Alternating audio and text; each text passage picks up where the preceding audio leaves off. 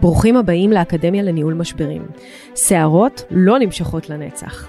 אני אימי בכור בוני, עורכת דין לענייני משפחה, מאמנת ומומחית לניהול משברים. וזה הפודקאסט שילמד אתכם איך להתמודד עם כל משברי החיים. נפגוש אנשים שעברו משברים מכל הסוגים.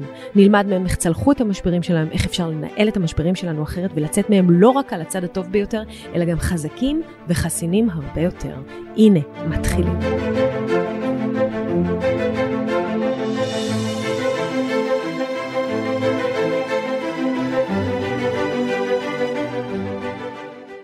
הפרק הזה זה פרק ממש ממש ממש מיוחד עבורי, כי האמת נכון שכתבתי ספר שנקרא שערות לא נמשכות לנצח, אבל uh, זאת שערה שאצלי, וואלה, היא נמשכת לנצח.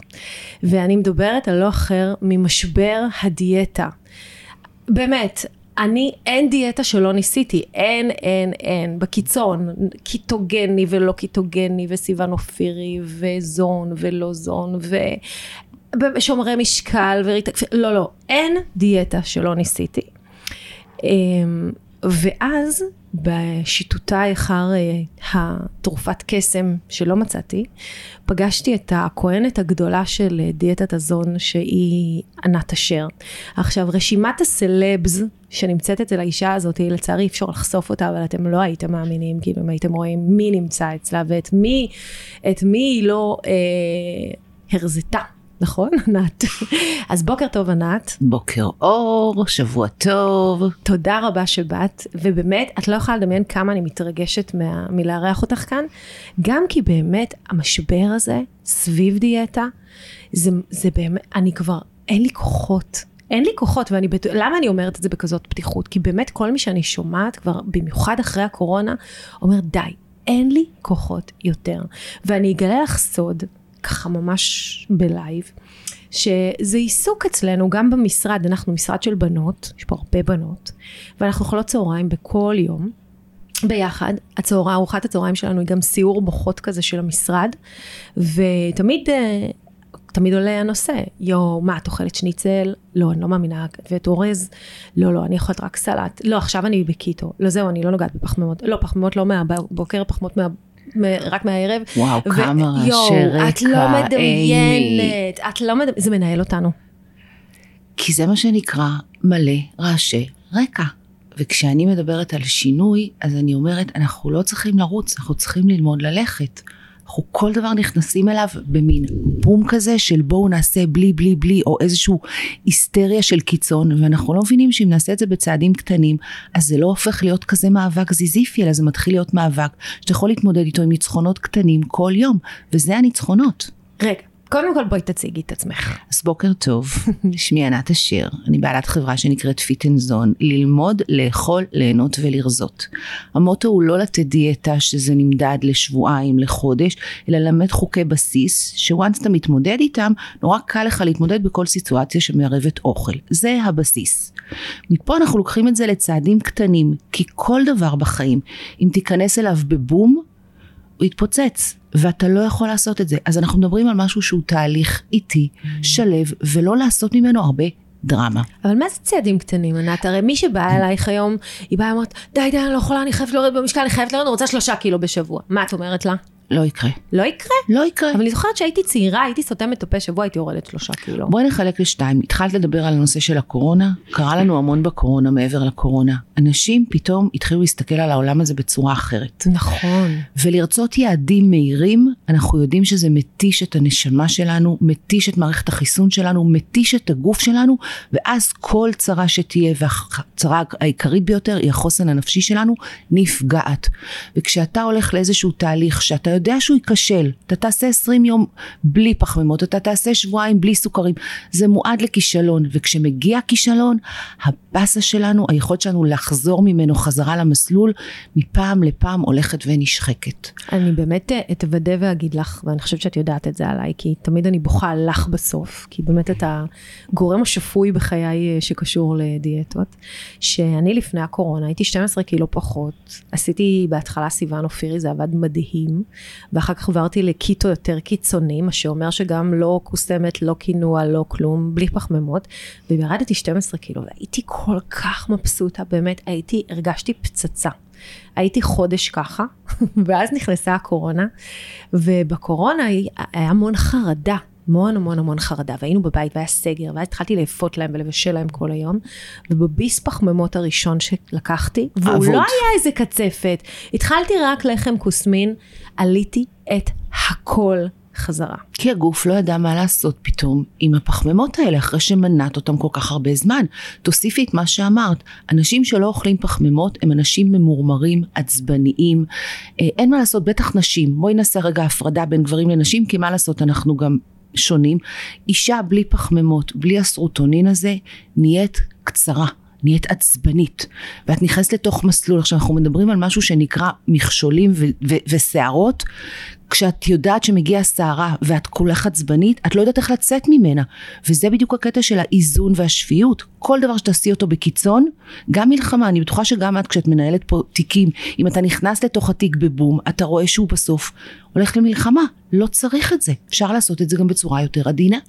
כמה, כמה אנשים עכשיו יותר שמנמנים מפעם? כמה, את רואה את זה בנוער, את רואה את זה בילדים? זהו, מפה זה מתחיל. בואי נתחיל עם, ה, עם הדבר הראשוני. אני לא מדברת על תוספת של שניים שלושה קילו לבן אדם, זה באמת לא מעניין, אף אחד פה לא חייב להיות דוגמנית או דוגמן, הכל סבבה, למרות שהרשתות החברתיות משגעות אותנו. נכון. אני מדברת על אנשים שעברו את הקצה. זאת אומרת שכבר העודף משקל שלהם הוא לא השלושה ארבעה קילו, אלא הוא עשרה.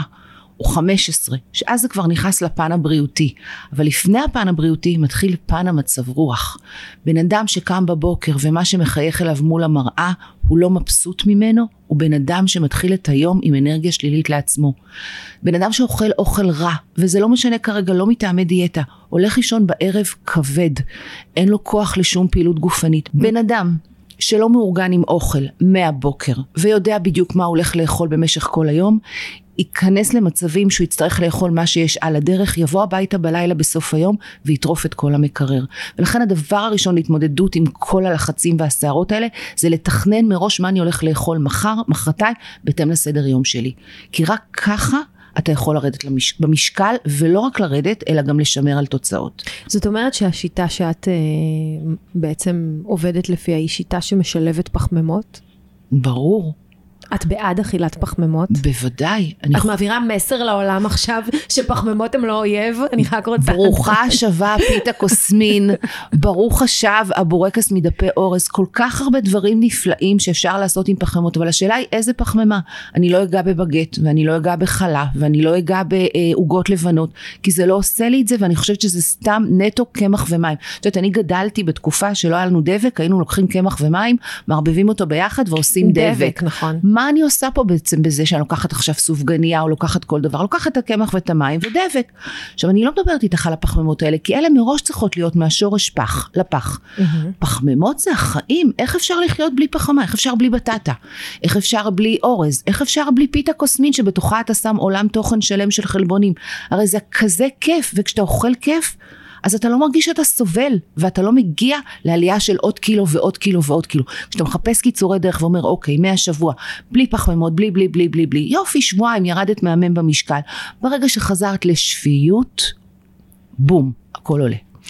לא, ואני חייבת להגיד שענת פצצה של החיים, שלא תחשבו שמדובר פה באיזה מישהי שסתם... אוי אוי אוי, איך אני מתחילה איתך את הבוקר. היית פעם שמנה? בוודאי, הייתי 30 קילו יותר. די, ענת. ואנחנו עכשיו גם נדבר על למה. אוקיי.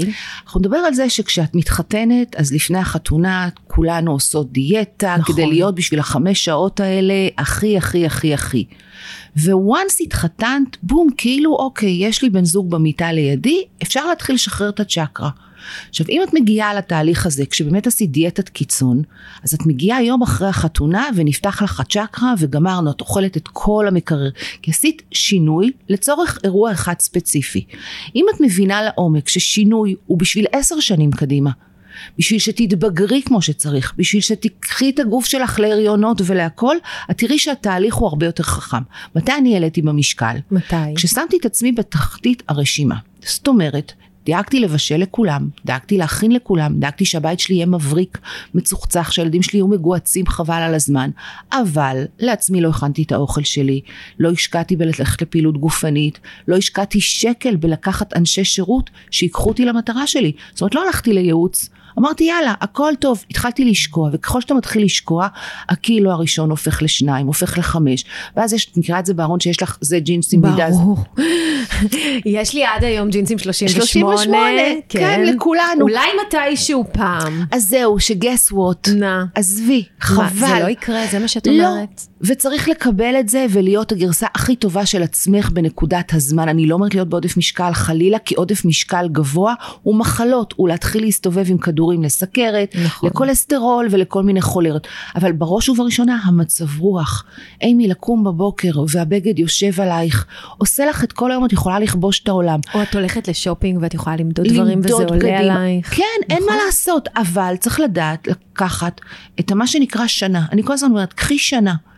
300 גרם לשבוע, 300 גרם לשבוע, 300 גרם, מה זה 300 גרם מה זה לשבוע? 300 גרם לשבוע? זה זה... ממי. רגע, רגע, רגע. אבל אני, אם אני הייתי הולכת להישקל ויורדת 300 גרם, היית אומרת לי, טוב, זה הפיפי שעשית בבוקר. ממש לא ממי, נשלב לזה גיל, נשלב לזה סטרס, נשלב לזה כל כך הרבה אלמנטים, אני לא מדברת עכשיו על ילדה בת 25, אנחנו מדברות כן. בינינו. ברור. 300 גרם לשבוע, זה אומר שאת מורידה 30 קילו בשנה. וואו. בלי לשים לב. עכשיו, לא מה זה חשבתי 300 על גרם זה. לשבוע? זה להחליט שאני שותה רק מים ולא מיצים. זה להחליט שהפחמימות שלי הם רק פיתות קוסמין 99. זה הדברים הקטנים, שבלי ששמתי לב, 300 ועוד 300 ועוד 300, ובום, מה קרה בשנה? עכשיו, זה ירד לא בבום, כמו שאת רגילה לעשות, אלא זה ירד בצורה כזו שכבר לא בא לך על סוגי מזונות שהוצאת מהתפריט. אבל בואי תשברי לי רגע מיתוס. אני יודעת, ש... לא, אני לא אגיד אי אפשר, אבל אולי באמת אי אפשר כבר לרדת בגיל המעבר. נשים בגיל המעבר, 47, 48, 50, שמתחילות עם תסמונת אה, פרימנופאוז או מניפאוז, זהו, אי אפשר, נגמר עליהם, הן לא יכולות לרזות. ברוך הבא למועדון שאני נמצאת בו. כי למי שלא יודע, אני בת 50 לא, אני גם במועדון הזה, ואמרתי, לא, זהו, אולי זהו, זה נגמר, די, לעולם לא תרזי. ממש לא, נהפוך הוא. אם את עושה את זה בצורה נכונה ונבונה, ואת מבינה שהגוף שלך עובר שינוי הורמונלי, ואת תתני לו את מה שצריך ותשחררי אותו מהרעשי רקע האלה, פתאום את כבר לא אוכלת בשעות הלילה, כי כשאת מגיעה לגיל הזה, כבר לא בא לך ב-11 בלילה לתקוע משהו ואחרי זה שיכאב לך כל היום הראש. לא, זה ו- לא שלא בא לי, בא לי, אני אוכלת, ואז אני פשוט לא ישנה. בבקשה. נדודי שינה, אז- עולה לי, רע לי, לא אז טוב זה לי. ייקח פעם, פעמיים, בפעם השלישית את כבר יהיה לך את השכל להגיד, שווה לי, אני יודעת מה הולך לקרות מזה. נכון. ואז פתאום אותו אוכל מפתה, לא מפתה אותך בכלל, כי את יודעת מה התגובת רשת, התגובת, התגובה שמגיעה בעקבותיו. ופה בדיוק הקטע, להפך, בגיל הזה יש לך את הזמן לעשות פעילות גופנית. יש לך את היכולת לקנות או להכין לעצמך את האוכל הכי נכון. את פחות רצה אחרי ילדים קטנים שאת יש לך פיתויים של במבה ביסלי וכל השטויות של הילדים. את אוהבת את עצמך כי את מבינה שזה העשור שהוא העשור שלך. עכשיו זה גם העשור שאת מסתכלת בראי ואת אומרת, אני לא רוצה להיות אימא שלי. נכון. וכדי לא להיות אימא שלי, והיום אנחנו יודעות שהחמישים זה השלושים החדש. בואי, אנחנו כבר לא אה, בנות חמישים אה, מנודות מהחברה נכון. נכון. לקרחונים. להפך, אנחנו מתלבשות, אנחנו, יש לנו את היכולת תקציבית לקנות את הבגדים הכי איכותיים, להשקיע בעצמנו הכי הרבה. אז מה זה שווה לי את האוכל פח הזה? נכון, כי אנחנו בשלב הזה בחיים באמת, כמו שאת אומרת, שאנחנו כבר, הילדים שלנו גדלו, אנחנו בשיא הקריירה שלנו, נכון? אנחנו בדיוק בעשר שנים האלה שהם, שהם אני. שהם אני, נכון. אני, נטו אני. אז גם אם עשיתי טעויות ואכלתי לאורך השנים כי היו לי ילדים קטנים והבית היה עם מלא במבות וכל הדברים האלה, עכשיו זה אני, אבל אז קורה משהו אחר. נו, אז בגלל שאין לך למי לבשל, אז את לא מבשלת לעצמך, כי הבית נכון. יתרוקן. ואז את אוכלת כל מה שיש על הדרך, אם את לא מבינה שאת צריכה לדאוג קודם כל לעצמך. וזה מה גם את תופעה. אומרת? אני אבשל לעצמי? לגמרי, ואני אוכל צהריים יפה מאוד עם עצמי, עם צלחת, ואני אערוך ואני אצלחת, כי מי אני אם לא הכי חשובה פה בכל, הפיר, בכל, בכל הפירמידה הזו? נכון. ופה קבור גם הכלב, כי מה שקורה לנו זה שבגלל שאין לי ילדים בבית, אז למי אני אכין? אז בסוף שבוע את מכינה, סבבה, אבל אם אין אף אחד בבית, אז יאללה, נאכל על הדרך, נפתח את המקרר, ניקח איזה חומוס, איזה משהו. ופה נשים מעלות במשקל, לא בגלל רק גיל המעבר, אלא בגלל שהרגלי האכילה שלהם השתנו. אז יש גנטיקה ויש תוצרים שבאים משינוי התנהגותי. אז מה את הנקודה. אומרת? את שוברת מיתוס, אפשר לרדת במשקל בגיל 47? בואי תראי מה הולך אצלי בקליניקה. יורדות? המון, נהיות אבל, פצצות בגיל 50? אבל שפוי. שפוי. הן גם מבינות שהן מגיעות לתהליך של 300 עד חצי קילו לשבוע, והן לא מצפות לרדת עשרה קילו בחודש.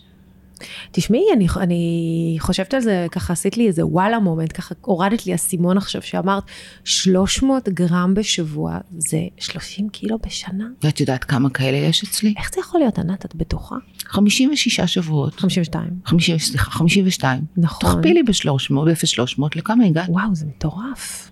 בואי, זה- בואי זה- ניקח מחשבון. שניונת שאני לא טעיתי, לא טעית. 0.300 כפול 52, סליחה, 15 וחצי. 15 קילו, סליחה, כן. בסדר, אז הלכתי על 15, 300 עד כן. חצי קילו לשבוע. אוקיי. זה, אבל בואי, זה התמונה הכללית, ורובנו, מה שאנחנו צריכות, זה את העשרה קילו האלה. נכון. לשנות אותך נכון, לגמרי. נכון. אז קחי שנה מהחיים, הנה, אנחנו עכשיו בדצמבר. נכון. תחילת 2023. שנה מהחיים שהמטרה שלך היא בצעדים קטנים, כל שבוע להוריד 300 גרם, את לא משנה הרבה. אז תשברי לי עוד מיתוס. אמ, יש מיתוס שאומר שאם ירדת במשקל, האמת זה לא מיתוס, זה די מחקרי וסטטיסטי וככה בכל אה, כל מחקר על דיאטה מתחיל בזה שאין מה לעשות וכמעט 100% מהאנשים שירזו יעלו את כל מה שהם ירדו בחזרה תוך שנה או שנתיים. למה? מתי רזית 30 קילו? אמ, 12, 14 שנה. את מכירה עוד אנשים מלא. שנשארו 14 שנה באותו? מלא, את יכולה לשנות, את יכולה לעלות קילו לפה, קילו לשם. כן. אם ההרגלי האכילה שלך השתנו, כן. אם את תביני שבלי ארוחת צהריים אמיתית, לא סלט עם ביצה וטונה, אלא ארוחת צהריים אמיתית, בחצי השני של היום את תהיי רעבה ותנשנשי, כבר עשית השינוי הראשון. מה זה ארוחת צהריים אמיתית שהיא לא סלט עם ביצה? זה בדיוק הקטע. רובנו כשעובדות, הארוחה העיקרית שלנו היא בצהריים. והמון פעמים. אנחנו אוכלות סלט. נכון. ומה דינו של הסלט? שאחרי זה שאני נכנסת הביתה בערב, אני לא רואה בעיניים. נכון, כי מגיע לי. נכון. כי מה, כל היום אכלתי סלט, אז אני לא מגיע אז לי? בואי תעשי סוויץ' ותאכלי ארוחת צהריים כמו בן אדם, כזו שתחנוק אותך לגמרי, ותראי שגם ב-4-5 את עדיין חנוקה ממנה, מקסימום משהו קטן, ופתאום את באה בערב ולא מגיע לך. נכון. כי כאילו אכלתי סבבה, אז אפשר לסגור את הפינה עם איזה חביתת טוסט וסלט.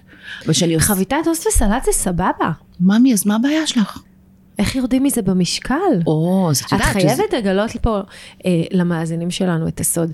את מדברת פה על אכילה שכבר לא מדברים עליה. אני, אני באמת חייבת אה, להגיד שכל השיח על דיאטות בשנים האחרונות, בגלל שהוא סובב סביב אה, משברים מטאבוליים, טרום סכרת, סוכר גבוה, כל הדיאטות הטרנדיות, כן? בוא נקרא לזה טרנדי, כי אנחנו כבר יודעים שכל פעם הדברים מתחלפים. כל הדיאטות הטרנדיות מדברות על ל- ל- לשרוף במקום דרך גלוקוז, דרך קיטונים. בואו, אל תאכלו סוכר, תעשו אפס גלוקוז לגוף, ואז המוח שלכם לא תהיה לו ברירה, אלא הוא יהיה חייב לשחרר אה, קיטונים, ודרך זה אה, תרזו. ולא תשנו את ה, אה, בעצם את המשק סוכר בגוף, זאת אומרת לא יהיו עליות וירידות של אינסולין, תעשו איזה פלטו כזה, ואז לא יהיה לכם שום רעב ושום, וזה מדכא רעב, הרי לא תאכלי. סיימת לעשות לי רעשי רקע?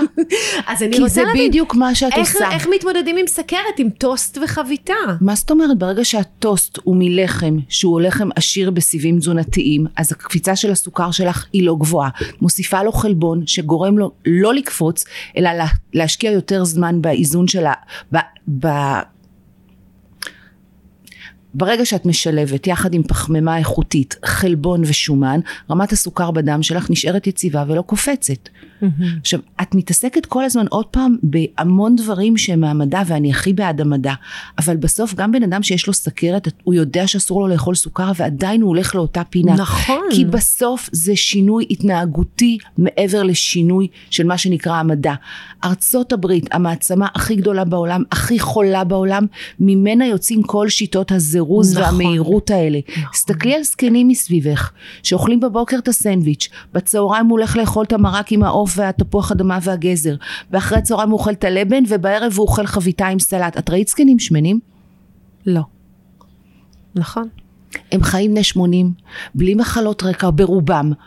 כל הדורות האלה הקודמים שחיו בשפיות ובאיזון ולא עשו דרמה ורעש מאוכל, זה האנשים הכי בריאים היום, ואת רואה את הרוטינה שלהם נמשכת, הם הולכים בבוקר, הם חוזרים, הכל אותו דבר, ופה כל שני וחמישי מחקר חדש, שאני באמת לא יודעת על כמה אנשים עושים את המחקר הזה, מאחוריו עומד איזשהו... אה, אה, מלא חברות תרופות. מלא חברות. משגעים אותנו, די כבר עם הרעשי רקע האלה. אנשים לא משמינים מאוכל, בזה, משמינים משטויות. את צודקת בזה שאת אומרת שבאמת המדע, המדע, המדע, אבל בסוף אנחנו בני אדם, ואני נוסעת לחו"ל. ואני לא יכולה לא לאכול פחמימות. אז מה, אז מדדד לך מה שאמרת לי עכשיו, נכון, המדע הזה שעשית לי כאב ראש, אבל הקיטו והזה, יואו. נכון, אבל אני... במקום להגיע תכלס ולהגיד, אוקיי, בא לי המבורגר, אז אני לא אוכל את ההמבורגר עם כל הלחמניה ועם צ'יפס, אני אוכל את ההמבורגר עם חצי לחמניה, כי אני יודעת שאני צריכה קצת פחות פחמימה. אני אוסיף סלט ואני אגנוב מהבת שלי שניים שלושה צ'יפסים. וואו, מה קרה? וזה קורה. ברור. ויורדים ככה במשקל? ברור. כי אתה לא מודד משהו כל יום, אלא אתה נכנס לשינוי הרגלי אכילה. ומה עם ההתמכרות לסוכר?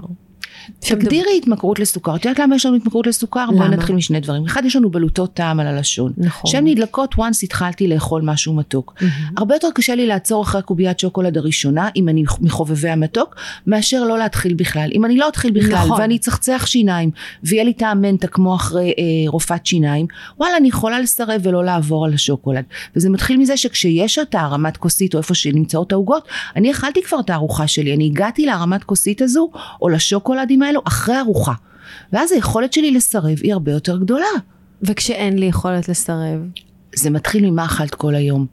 גם, גם ההתמכרות הזו למתוק, האם היא באה מתוצאה מאוד פשוטה, איך אכלת כל היום. תאכלי סלט וביצה, בחמש את אוכלת עוגה, נגמר הסיפור. נכון. תאכלי בצהריים שווארמה עם סלט וטחינה, תחנקי ממנו, בחמש, וואלה, את מסתכלת על השוקולד, לא בא לך עליו. זאת אומרת, את אומרת, תלמדו להיות שבעים. לגמרי. מיתוס ה... אין דבר כזה להיות רעבה בדיאטה. אסור להיות רעב בדיאטה, ולא רק זה, גם תלמדו לאכול מנות שאתם לא מתפוצצים מהן.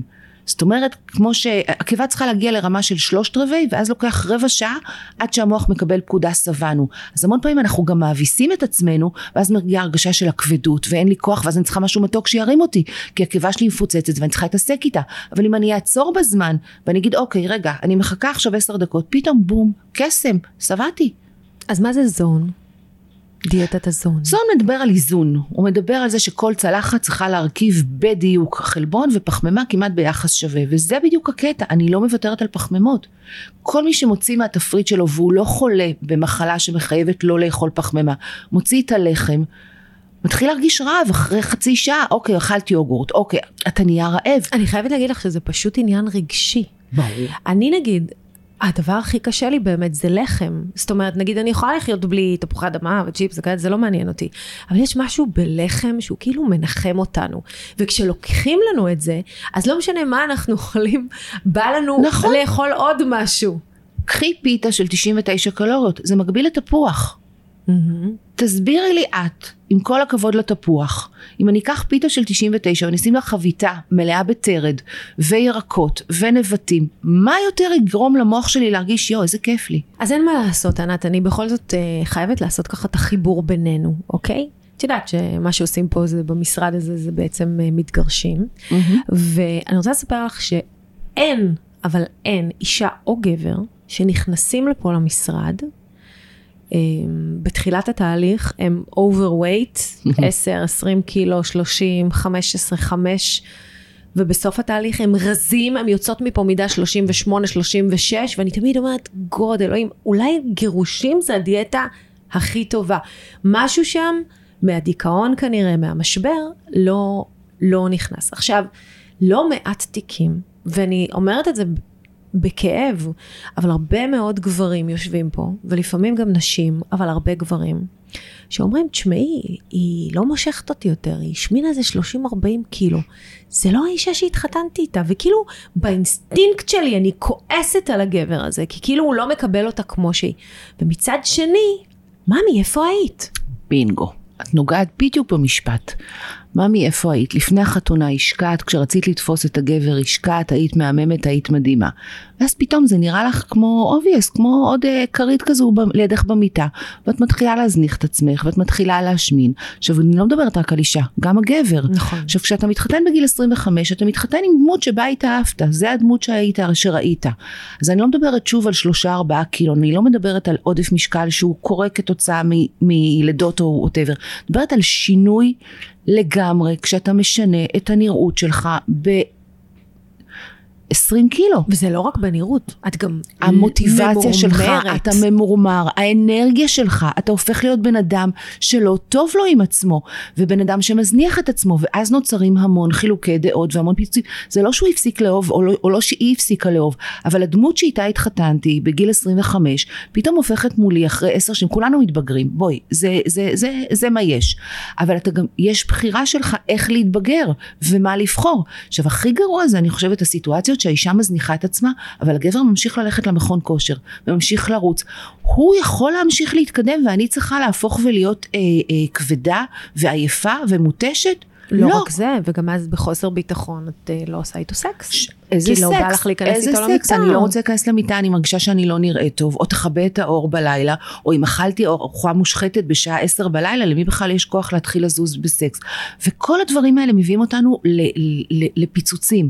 עכשיו, אני לא אומרת, צריך להתגרש כשצריך להתגרש ויש המון אלמנטים, אבל שנייה לפני, בואי נחשוב, התחתנתי, יופי, עשיתי ילד, יופי, איפה אני, איפה אתה, הגבר, בתוך הסיטואציה הזו של לשמור על מה שנקרא הניקיון, ה- ה- ה- ה- ה vibe שלך, כמו שהיית כשהתחתנת. זה לא רק זה, אני חושבת באמת שכשאת מרגישה טוב עם עצמך, פיזית, זה משפיע כמובן על העבודה שלך, זה משפיע על ההתנהלות שלך בחיים, זה משפיע על הביטחון העצמי שלך, והרבה מאוד פעמים בקשר בין בני זוג יש הרבה קנאה והרבה חששות והרבה פרנויות והרבה אה, משברים, שאם את מרגישה טוב עם עצמך ואת באה למערכת יחסים עם ביטחון עצמי, זה תורם למערכת. המערכת עצמה יותר שוויונית, ואז הדיאלוג הוא יותר פתוח. כי בעצם ההשמנה הזאתי, היא הופכת להיות משבר שמתחיל אולי בעל המשקל, אבל היא מחלחלת לזוגיות הכל, שלנו. הכל. היא ולא מחל- רק זה, גם בואי נכון. תחשבי, שורה תחתונה, לאכול בריא ולהתאמן, גם אם יש לך את המשבר הכי גרוע בעולם, היכולת שלך לצאת ממנו הרבה יותר טובה מאשר בן אדם שאוכל רע ולא מתאמן. כי זה שלושת היסודות הבסיסיים שבונים את החוסן הנפשי שלי.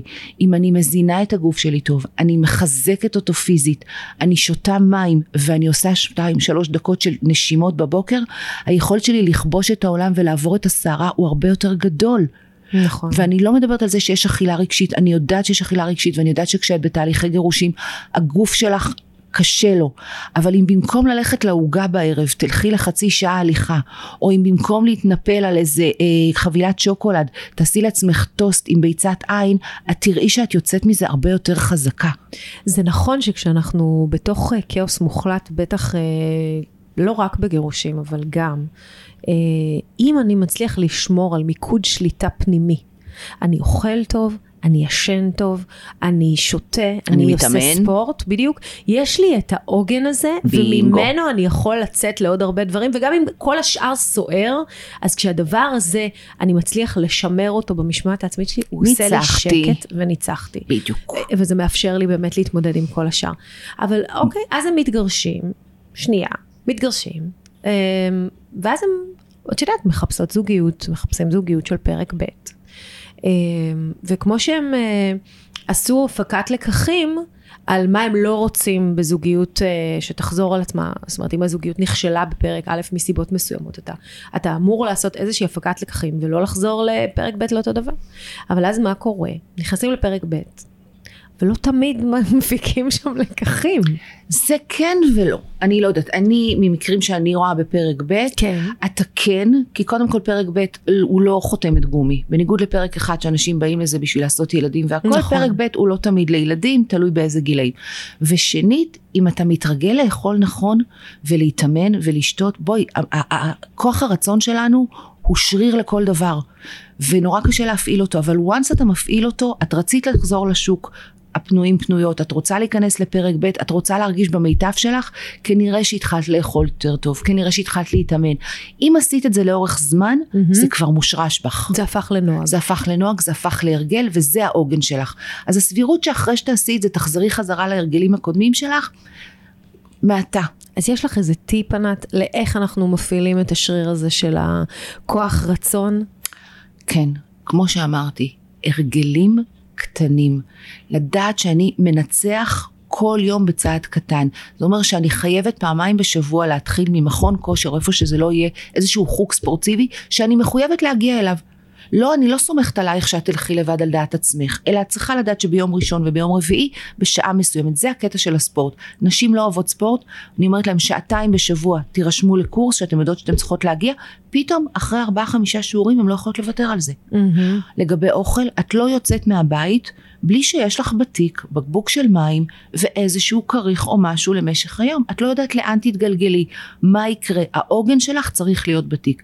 נשים שעובדות ימים שלמים, תדאגו שבמטבח במשרד יהיה לכם גם דברים שאם באמצע היום את יכולה לקום ולקחת ולא לחכות לשליח. זה העוגנים. לייצר עוגנים. חייבת, כל mm-hmm. החיים זה עוגן. ולתכנן. כל החיים זה תכנון. אני מסכמת, לתכנן, נכון? יום לפני. מוכנה. יום לפני. מאוד רגוע.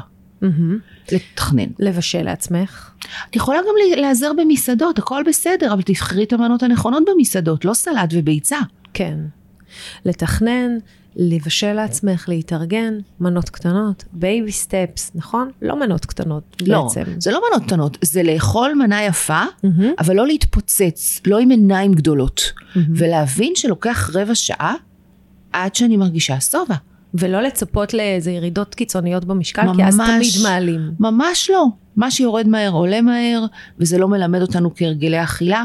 ובואי גם, את יודעת, המהות של כישלון הוא כשאתה קובע לעצמך מטרה, שאתה לא יכול לקח, לעמוד בה. נכון. אז החוכמה היא להעמיד לך מטרה, שמקסימום תהיה מופתע, ירדת קילו ולא 300 גרם. בקיצור, בואי נעבוד על המוח שלנו. הכל מוח מאמין. נכון. יותר מכל מה לו, שאמרנו. תשמע, אני רוצה לרדת 300 גרם. זה מה שאני רוצה. בינגו. עכשיו, אם פתאום ירדתי 700, וואו, נכון? לגמרי, אז אני אהיה מבסוטית. ואז אני אעוף על עצמי. נכון, וזה בדיוק הדברים הקטנים. את יודעת, הייתה לי מישהי שהיא אה, מנתחת מוח, אחת מהגדולות בארץ, וכל פעם שהייתה באה והייתה רואה את החצי קילו פחות, חצי קילו פחות, היא אמרה לי, תקשיבי, אני כל כך מאושרת מזה, גם אם אני מצילה בן אדם לצורך העניין, אני לא מאושרת כמו שאני מאושרת מהחצי קילו הזה. את מבינה מה, איזה, איזה נשים עלובות אנחנו. זה ממש ענת, לא עלוב. זה נורא, אני יושבת פה במגדל השן שלי במשרד, את יודעת, עוסקת ב, באמת בדיני נפשות, והדבר שהכי משמח אותי זה אם אני יורדת במשקל או לא יורדת זה במשקל. לא, את יודעת משהו, זה אפילו לא המשקל, זה הרגשה של איך הבגד בא עליי. נכון, זה הרגשה שאני ניצחתי, אכלתי נכון. רק בריא, לא הכנסתי זבל לגוף שלי. נכון. זה הניצחונות הקטנות האלה,